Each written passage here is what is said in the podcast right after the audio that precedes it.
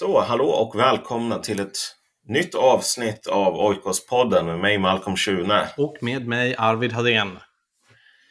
Idag ska vi tala om någonting, jag vet inte hur, hur om detta är ett historiskt skifte inom svensk politik. Det, det känns väl kanske inte riktigt så.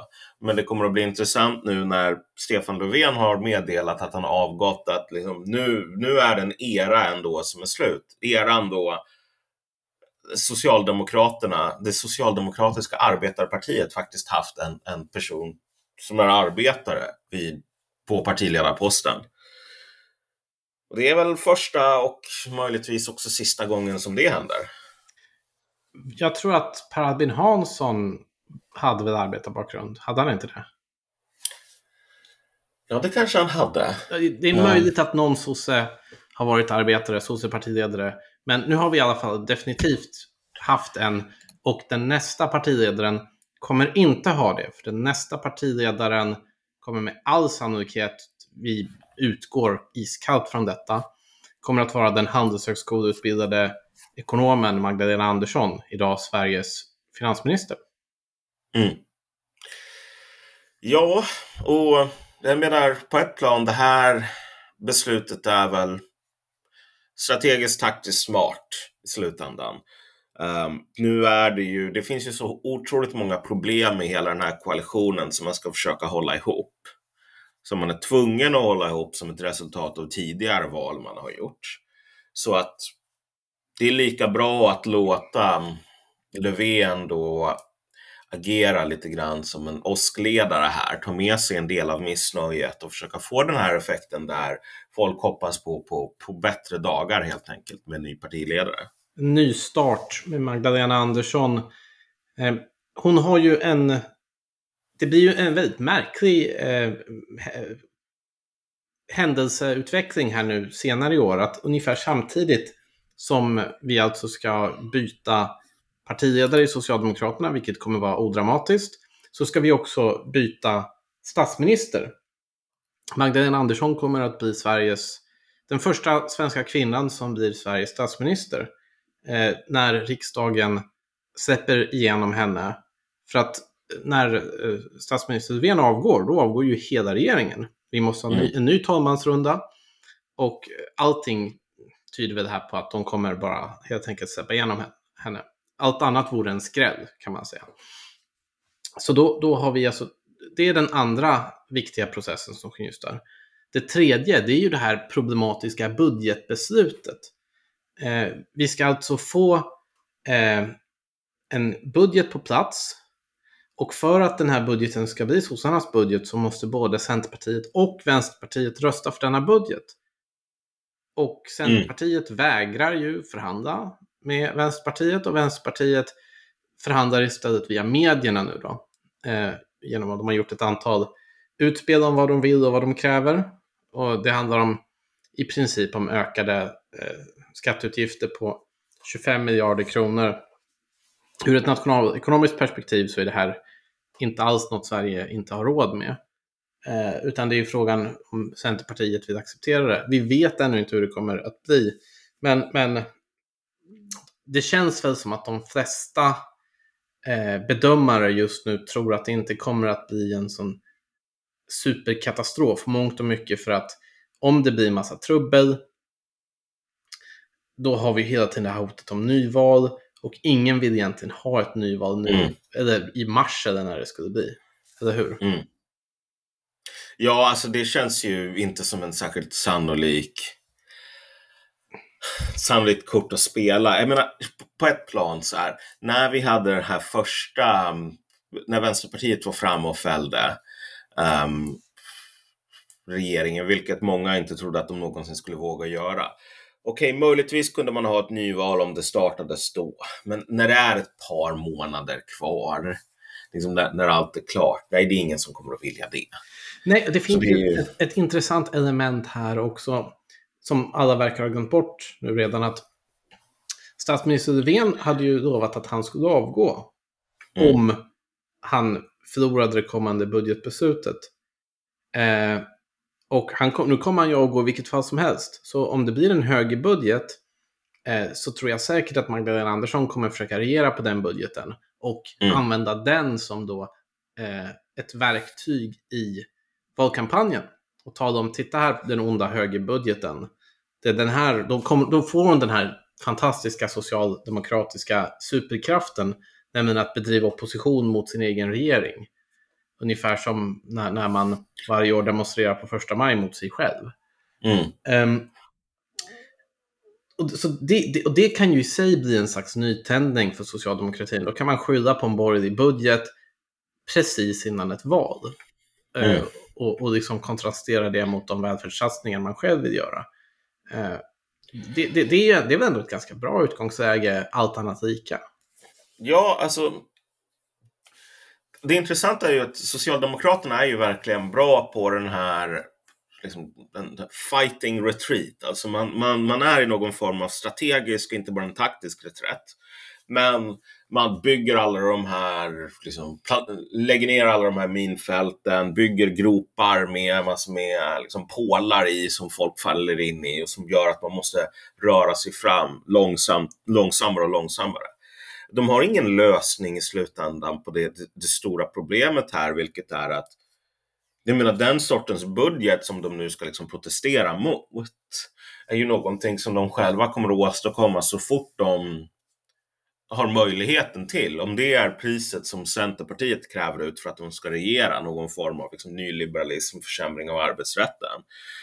Han kommer att försöka förhala det så mycket man kan, men det är inget snack om saken att om försämring av arbetsrätten är det som krävs, ja men då är det det som kommer att levereras. Mm. Det är också intressant här att det har ju varit med lite i medierapporteringen där folk påstår att eh, Magdalena Andersson är en dålig förhandlare. Stefan Mm. Löfven har ju alltid beskrivits som mästerförhandlaren som kan bolla de här olika eh, partierna fram och tillbaka, spela upp dem på läktaren mer eller mindre. Medan Magdalena Andersson, hon ska ju ha plockat bort från förhandlingarna om januariöverenskommelsen just för att, för att hon är liksom en mer fyrkantig ekonomtyp som säger precis vad hon tycker. Ingen diplomat på det sättet. I och för sig, ur mitt, mitt kryptoautistiska perspektiv, eh, en, en mycket mer sympatisk typ kanske. Eller jag vet inte. Men, men, men, men eh, eh, om, om man går tillbaka till det du nämnde om, om Vänsterpartiet, för här finns det en till sak att prata om. Eh, Svenska Dagbladet hade nyligen en artikel, det var idag till och med, idag är det den 23 augusti, eh, av Torbjörn Nilsson och Maggie Strömberg, om jag inte missminner mig, där de försökte analysera statsministerns avgångsbesked. Mm. Och de menade, utifrån sina källor, att en drivande faktor här var helt enkelt att Stefan Löfven, Löfven blev så trött och förbannad och less av Ja, Vänsterpartiets beteende. Att han hade absolut inte väntat sig att det här, eh, att, att de skulle bli fällda. Han trodde att han hade lyckats sy ihop, det är det som varit hela hans stora projekt, att han ska sy ihop den här mitten-vänster-samverkan. Med, som ska, man bryter upp alliansen, erövrar Centerpartiet och Folkpartiet och, och binder upp dem med socialdemokratin och så har man in Miljöpartiet och Vänsterpartiet och så har man det här som sin majoritet och jobbar utifrån den. Eh, och plötsligt här så kommer Nooshi Dadgostar in och bara förstör hans fina, välbalanserade eh, modell för ett samarbete. Jag tror, och i, I den här artikeln i Svenskan då så fick man ju det intrycket att det var det här som gjorde att han tappade sugen. Han har ju tidigare pratat om att han skulle definitivt fortsätta åtminstone till valet 2022. Men Mm. jag tror att när vi får lite mer info så kommer det visa sig att den som egentligen tog knäcken på Stefan Löfven, det var inte Ulf Kristersson det var inte Jimmy Åkesson, utan det var Nooshi Dadgostar det är, en, det är ju intressant. Det, ja, jag, jag är ju ganska sympatisk till den tolkningen. Jag tror att det finns ganska mycket i det. Men det visar ju på något plan alltså bräckligheten i hela, hela den politiska situationen. Folk håller ju ofta på och säger så ja men kolla på Danmark, borde inte sossarna vara som Danmark, bla bla bla. Så. Men det är nog omöjligt idag. Och det har inte någonting att göra med invandringspolitiken, utan det har att göra med vilka man har valt att hoppa i säng med. Alltså, vi i Sverige tänker ju att när SD kom in på, på scenen så var egentligen den stora frågan som alla bara satte ner foten mot, det var invandringsfrågan typ. Men alltså liknande reaktion har skett mot typ att det kommer in populister i någon form. Alltså människor som latent säger alla de här i avfolkningsorter, folk med dålig representation som politikerna har slutat lyssna på. Vi ska representera dem och typ föra den politiken som de vill ha. Eh, reaktionen har varit våldsam i alla länder mot den sortens partier. Och i Sverige blev det ihopkopplat med, med invandringsfrågan, vilket jag tror skymde sikten. Så att alla kunde låtsas att de var de här stora humanitärerna. Men det skapade också de här väldigt konstiga så kallade humanitära koalitionerna i någon mån. Som är så svåra att backa ur, ur idag. Om du tänker dig att, att sossarna skulle försöka göra sig av med den här, liksom förlitan som man har på, på typ Centerpartiet och Miljöpartiet och Vänsterpartiet, vilket alla är partier för den urbana liksom, medelklassen i någon mån. Alltså, liksom, vad skulle man göra då? Typ regera ihop med Moderaterna, med Sverigedemokraterna själva? Det vore något att se. alltså en, en, en SD och S-allians utifrån något så autistiskt taktiskt perspektiv vore ju inte särskilt dumt. Men det är omöjligt idag. Det är liksom för mycket liksom, historia har skett här. För att det ska vara liksom, realistiskt. Vi har två av varandra eh, förstärkande processer här. Det, det ena mm. är det man skulle kunna kalla för eh, The first rule of the Social Democratic Fight Club. Och det är mm. Never, repeat never, yield power. Ja. Partiet har två uppgifter. Att ta makten och att behålla den.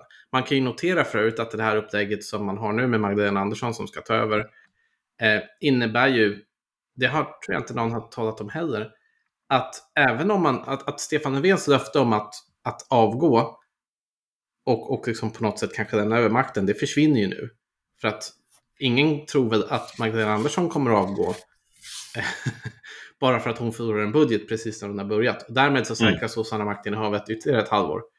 Ja. Um, den andra faktorn som förstärker det här, um, det är ju, alltså just det här, alltså man, man, man hatar förstås konkurrens och nya maktblock, men man kan inte, tror jag, riktigt säga så här att, att, det, att, det var en, att det var invandringen det handlade om, det var en slump. För invandringen och allt det som finns runt omkring, alltså vi talar om 50 år av romantiskt tredje världen-vurmare, mm. från liksom, liksom första intresset på 60-talet. Um, ehm, det försvinner inte över natt. Det, det finns en enorm ideologisk struktur kring detta. Som mm. SD liksom som en, en eh, ett, ett, ett, dödligt hot mot den här ideologiska uppfattningen. För SD är motsatsen till allt det här de här människorna har gjort sedan 1960-talet. Mm. Eh, så, då, och, så att även om man skulle vilja, om Magdalena Andersson skulle sätta sig ner och säga okej, okay, jag är Socialdemokraternas partiordförande och inte nog med det, jag är Sveriges statsminister. Vad ska jag nu göra för att liksom göra mitt parti så starkt som möjligt och gärna som kanske som en bieffekt Sverige är bra. Det hon borde göra då är att hon skulle ta ett steg till vänster i den ekonomiska politiken. Hon skulle ta ett steg till höger i värdepolitiken, särskilt vad gäller mm. migration, kriminalitet, fusk och sånt där. Eh, hon skulle helt enkelt kopiera de danska socialdemokraterna. Och jag tror inte att hon kommer göra det. Inte kanske för att hon inte vill, jag vet inte vad hon vill, utan för att hon inte kan. Eh, ja, de exakt. svenska socialdemokraterna är något annat än de danska. Jag, jag tycker det, det, här, du nämnde det här med tanken att SD skulle samarbeta med S. I, i, jag tror att det är samma tal som Jimmy Åkesson höll på Sverigedemokraternas årsmöte, de så kallade landsdagarna 2015. När han lanserar mm. konceptet det konservativa blocket, som alla inom högern, utom han då, förkastar då. Eh, så tar han samtidigt och resonerar om men borde inte vi Sverigedemokraterna kanske samarbeta med Socialdemokraterna? Och, då, och så resonerar han då, så säger han något i stil med att vi har bestämt oss för, vi har förstått att det här är inte möjligt, för rötan har gått för djupt partiet är för ruttet ur SDs perspektiv. Då. Och därför så är det enda möjligheten som finns konstituera blocket. Och jag tror att det ligger något i Åkessons analys här. Jag tror att det finns så starka krafter som är liksom uppfyllda av, av de här ideologiska åsikterna som har så många år på nacken att det skulle inte gå att skifta över till den danska modellen. Det skulle inte gå. Det är för sent. Kanske hade det gått för 10 år sedan eller för 20 år sedan. Men idag, nu är sossarna inne i den här vänster... Eh, det var Viktor Bart Kron som nu beskrev det som något i stil att, han, att man är eh, sekreterare och kassör i den grön vänsterliberala folkfronten mot nationalismen.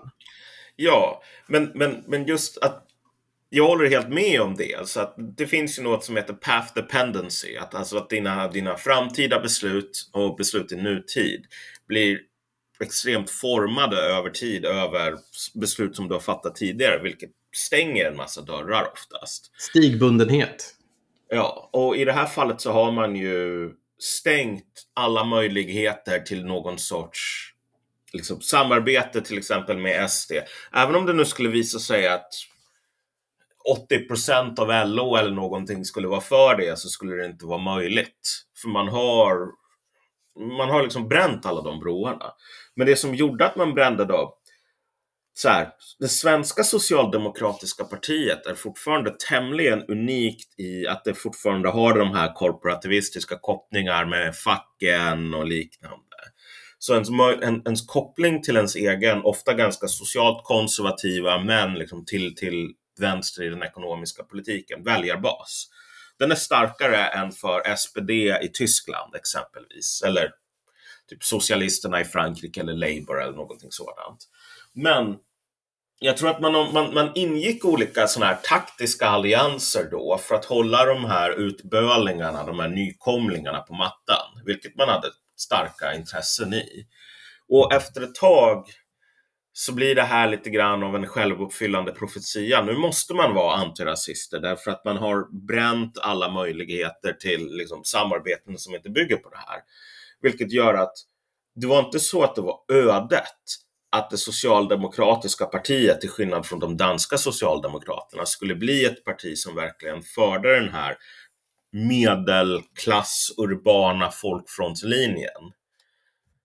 Men det här är en summa av massor med olika taktiska beslut här och nu för stunden. Att, ah, vet du vad? De här människorna, de har den här bakgrunden. Liksom. Därför är det så himla bekvämt att hålla på och kalla dem nazister så att ingen kommer att rösta på dem. Det finns ingen anledning till att det någonsin kommer att slå tillbaks. Och det framstod ju inte som det skulle göra det, men, men till slut så blev man liksom fast vid den här stigen. Med, med, med risk för att låta um, eh, lite mindre historiematerialistisk än, än somliga andra och mer idealistisk så tror jag verkligen att de här det, det, har, det har givetvis i hög utsträckning handlat om maktintressen, men det finns också en djupt liggande idealistisk, idéburen mm. tanke om det här. Jag tycker att Stefan Löfven också gett uttryck för det väldigt mycket. Eh, till exempel, när, när, han, han låter ju... När han har kritiserat Sverigedemokraterna så har det ganska genomgående varit med sådana här extrema överord. Att han har beskrivit det som ett nazistiskt parti och så har han fått be om ursäkt. Nej, jag menade bara fascistiskt och sådär. Mm. Och, och, det är liksom en retorik som i vilket annat europeiskt land som helst eh, skulle straffa ut honom ur den allmänna debatten och placera honom mm. ut i någon slags AFA liksom, miljö. Eh, så skulle det vara i Danmark, i Finland, i, i, i Frankrike, i England i Belgien och i Polen. Um, men, men så, det är den här emotionella, idé, känslomässiga, idédrivna engagemanget av det slaget som vi annars mest sett hos Fredrik Reinfeldt. Ehm, mm. Det verkar vi, vet jag inte om vi kommer se hos Magdalena Andersson. Det kommer ju bli en väldigt viktig faktor för att avgöra hur stor handlingsfrihet hon har att göra uppgörelser i olika specifika mm sakfrågor, vilket förstås också kommer bli extra viktigt om hon visar sig vara dålig på att hålla sams med Centerpartisterna och mm. Miljöpartisterna. Om man ska säga något mer om, om Stefan Löfven, så eh, den reaktion som vi har sett från många människor eh, när han har nu utannonserat sin avgång jag tycker de är intressanta för det, jag tycker man kan se två olika eh, reaktioner. Den ena är ju att folk är väldigt överraskade. Mm. Många. Eh, jag har pratat med några personer som, som menade att ja, men de hade nog väntat sig att han skulle avgå innan valet. Men, men jag blev överraskad. Jag hade trott att han skulle sitta över valet. Eh, så det ena är den plötsliga överraskningen. Det andra är att jag inte sett en enda person som beklagar att han avgår. Mm. Och det är ju på ett sätt kanske lite, fast det är ju på ett sätt inte ett jättebra betyg att när man väl avgår så känner folk kanske mest lättnad. Av olika Alltså, skäl. den, den, den, ja, den intressanta saken här är ju att den stora förtjänsten hos Löfven, och han var ju inte liksom inkompetent som politiker, men den stora förtjänsten var, han hade det här otacksamma jobbet, liksom att vara någon form av sopgubbe. Där alla fattar att det är en tjänst som behövs, men det är inte någonting som man liksom vill syssla med själv. Och typ sopbilen, om den står där, den, liksom, den, den förstör vyn liksom, vid morgonkvisten och sådär. Så liksom out of sight, out of mind. Men hans uppgift var att hålla ihop en extremt instabil och på något plan liksom onaturlig egentligen en koalition. Därför att det vore en sak om sossarna var typ SPD som inte längre hade någon fackföreningsanknytning eller arbetare man behövde lyssna på som höll på att klaga. Utan man bara kunde hoppa, köra full, fullt ös medvetslös. Du ska flytta från Hofors till, eller Sandviken till Stockholm och gör du inte det eh, så kan du dra åt helvete, hoppa i sjön. Så här. Du, du spelar ingen roll. Det är folk som, som är på väg någonstans, som är relevanta, folk som är kvar i det gamla, de, de spelar ingen roll. De, de skiter vi i. Om det var ett sånt parti, då skulle den här sortens koalition vara naturlig. Och alla skulle vilja ha den. Men nu är det så att sossarna ändå har, eller hade, liksom det starkaste på ett plan arbetarstödet i i Europa när, när Löfven tog över. Liksom, visst, det hade gått ner jävligt mycket, men det hade gått ner för konkurrenterna mycket mer. Så att... Man, man, men, man måste väl också säga att du, du talar om att hålla ihop en spretig koalition och det har ja. han ju gjort med bravur. Det måste, ja, man, måste, man måste ju säga att Stefan Löfven har gjort en otroligt skicklig insats för att hålla ihop sin regering och sitt stöd trots en väldigt svår situation i riksdagen med minoritet hela tiden. Eh, och en mängd olika kriser. Eh, vi hade eh, transportskandalkrisen, transportstyrelseskandalkrisen, vi hade afghanamnestin. Ja. Vi har haft så många olika skandaler och kriser och Stefan Löfven har klarat att hålla ihop sitt, sitt underlag. Det har varit väldigt skickligt.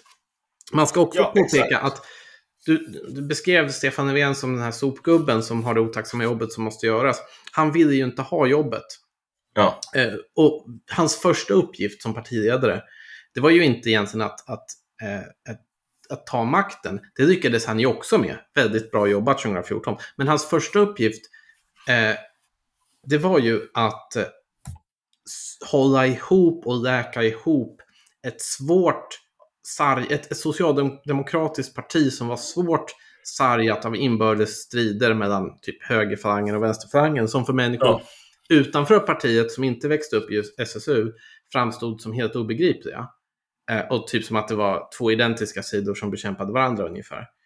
Eh, men, men, men eh, det gjorde han ju jättebra. Så man kan säga att Stefan Löfven, superbra insats för att hålla ihop det egna partiet. Superbra insats för att erövra regeringsmakten och behålla den. Kom ihåg, det är det mm. viktigaste för en socialdemokrat att göra. Det politiska innehållet, substansen, sakpolitiken, mm. inte så bra. Jag menar, det är inte så att man, när man bekymrar sig över Sveriges utveckling och sådär, att landet är på väg åt skogen. Det, det, är ju inte så att man tänker sig att Stefan Löfven har infört politiska reformer som förstör Sverige. Utan mm. det är mm. snarare så att det har funnits underliggande problematiska utvecklingslinjer som han vägrat att ta tag i. Brottsligheten, migrationen.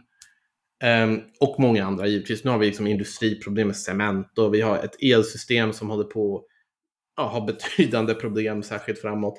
Och det finns och skolan, eh, äldreomsorgen, katastrof, usel hantering av pandemin. Alltså, problemet har ju inte varit att Stefan Löfven har gått in och sagt att nu ska jag införa riktigt dålig mm. politik. Mm.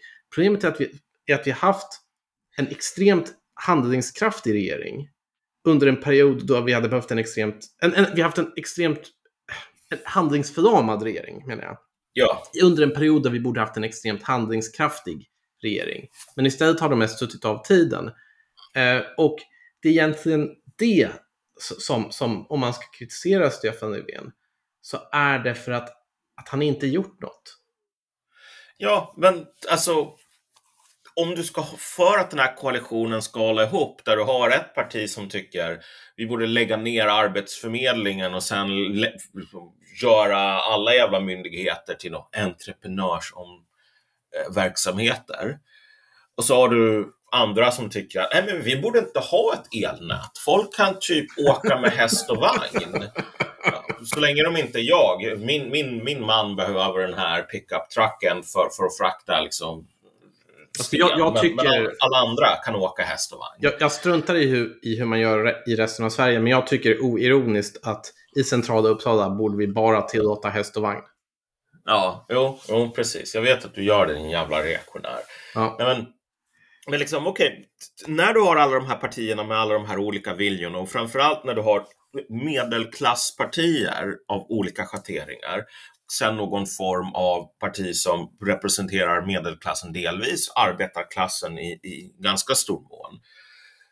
Så all form av positiv politik, varje gång de ska införa någonting, som de här reformerna kring Arbetsförmedlingen eller reformen av LAS, det blir ju liksom någonting som man måste dra i, i handbromsen för så att de här sakerna förpassas till någon kommitté eller mals sönder i utredningsväsendet. Så. Därför att varje gång man ska försöka genomföra någonting så är det någon i koalitionen som hatar det här så mycket så att koalitionen på allvar riskerar att spricka. Eh, det, det ligger säkert någonting i detta. Alltså, det ligger säkert ganska mycket i detta. Men jag tror att det finns något mer också. Det är något med det här gänget. Att det är bara otroligt låg energi. Eh, att, ja, att, det är det väl också. Att, att det är det här äh, förvaltningsperspektivet i en tid då vi behöver förnya. Där vi måste bygga upp, alltså, alltså man ser liksom hur, hur, färgen börjar flagna från väggarna och man ser att om vi inte fixar grunden så kommer, ja, så kommer den rasa. Och man, mm. då sitter man bara där och, och gör ingenting och lyfter lön och bibehåller sin makt. Det duger inte. Och det som jag tycker är riktigt intressant nu, det är kommer Magdalena Andersson att vara en annan slags ledare än Stefan Löfven? Hon, har ju, hon kommer ju ha nästan ett år på sig, även om hälften kommer vara en valrörelse. Mm. Men hon har ändå eh, möjlighet att visa, att dra upp den riktningen. Vad vill hon göra med Sverige? Kommer det vara det här tillbakalutade, självbelåtna, att vi har gjort allting så himla bra, mer av samma? Eller kommer hon, i alla fall retoriskt, mm. säga att det är dags att byta riktning? Vi behöver förändring. Sen kanske, om de vinner valet, gud förbjude, eh, så kan, kommer de väl antagligen bara fortsätta på samma sätt ändå, oavsett vad hon säger ja. innan dess. Vem vet? Men, Jag tror, de men måste kom... nog fortsätta så. Ja, alltså ingenting är ju... Ing, ja, Herrens vägar är outgrundliga och inget är ännu förutbestämt. Mm. Men eh, oavsett vad så kan man väl säga så mycket som så att Magdalena Andersson kommer vara Sveriges statsminister under ett antal månader i alla fall. Man får ju önska henne lycka till med mm. att göra saker som är bra för vårt land. Och sen mm. får man väl hoppas att, ja, hon, att, att, att det svenska folket sen istället väljer att ge höger en chans att styra Sverige. Jag skulle säga som bara en meme som du, du känner igen men som de kanske, flesta lyssnarna kanske inte gör. We will Uh, the day will come when we will miss the days of Nagash. Liksom. Jag tror att folk idag tänker Löfven, oh, vilken idiot sådär. Men det är nog ganska många socialdemokrater åtminstone som kommer att sakna honom tids nog. Om det nu visar sig att Magdalena Andersson är en mycket sämre förhandlare. Därför att Löfven har sprungit runt som en brandman och släckt bränder till höger och vänster för att hålla den här koalitionen ihop. Um, då, och man blev deprimerad av att Nooshi Dadgostar, trots allt hans förbannade jävla jobb, för att få de här olika faktionerna att inte ha ihjäl varandra, säger ja, jag ska antända det här för jag tycker inte jag får nog. Alltså, en person med sämre förmåga att agera den här brandmannen kommer nog ha mycket svårare att hålla ihop den här koalitionen. Um, we will miss the days of Nagash och det var, vi kommer kanske då tycka att det var synd att ja, Norsi Alkadisar den store gav sig på honom. Ja. Visst heter I alla fall om man är en del av det, liksom det blocket. Så. Ja. ja, men det ska bli spännande att se hur detta utvecklas. Eh, vi kommer med stor nyfikenhet att bevaka eh, vår framtida statsminister Magdalena Anderssons göranden och låtanden. Ja. På återhörande. På återhörande. Vi hörs.